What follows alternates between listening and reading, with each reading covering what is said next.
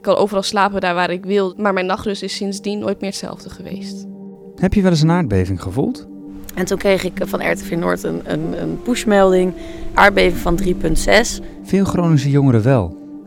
Kennen jullie angst? Ja, wel. Als die komt, dan heb je dus nog een half uur om je huis uit te komen. En dat gaat ze bepaald niet in de koude kleren zitten. Deze stapels met stenen dat een huis moet voorstellen, heeft geen waarde meer. Ik zou graag weer van alles willen genieten.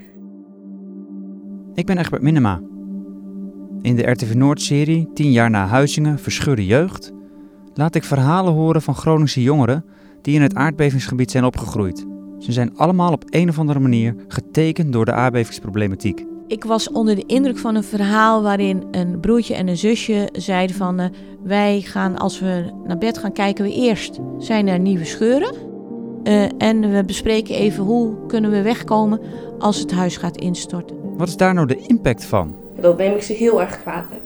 Zijn ze hun jeugd verloren? Dat vind ik het meest jammer. We, we, we, we hebben echt acht, negen jaar echt van, van hun jeugd afgepakt. Hoe kijken ze naar zichzelf? Dat we erachter kwamen dat het achterlichtje stuk was van de auto. Ik moest zelf maar een nieuw achterlampje gaan halen en ik moest zelf maar het boekje doorbladeren om uit te vinden hoe het moest. Want dan kon ze er gewoon niet bij hebben. De eerste portretten komen online op 16 augustus. Dat is de dag dat de grote aardbeving van Huizingen van 3,6 op de schaal van Richter precies 10 jaar geleden is.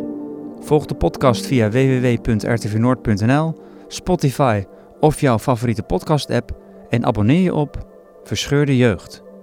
Maar ik ken ook al mijn hele leven nou ja, dat er aardbevingen zijn. En um, je probeert zo min mogelijk mee bezig te zijn eigenlijk.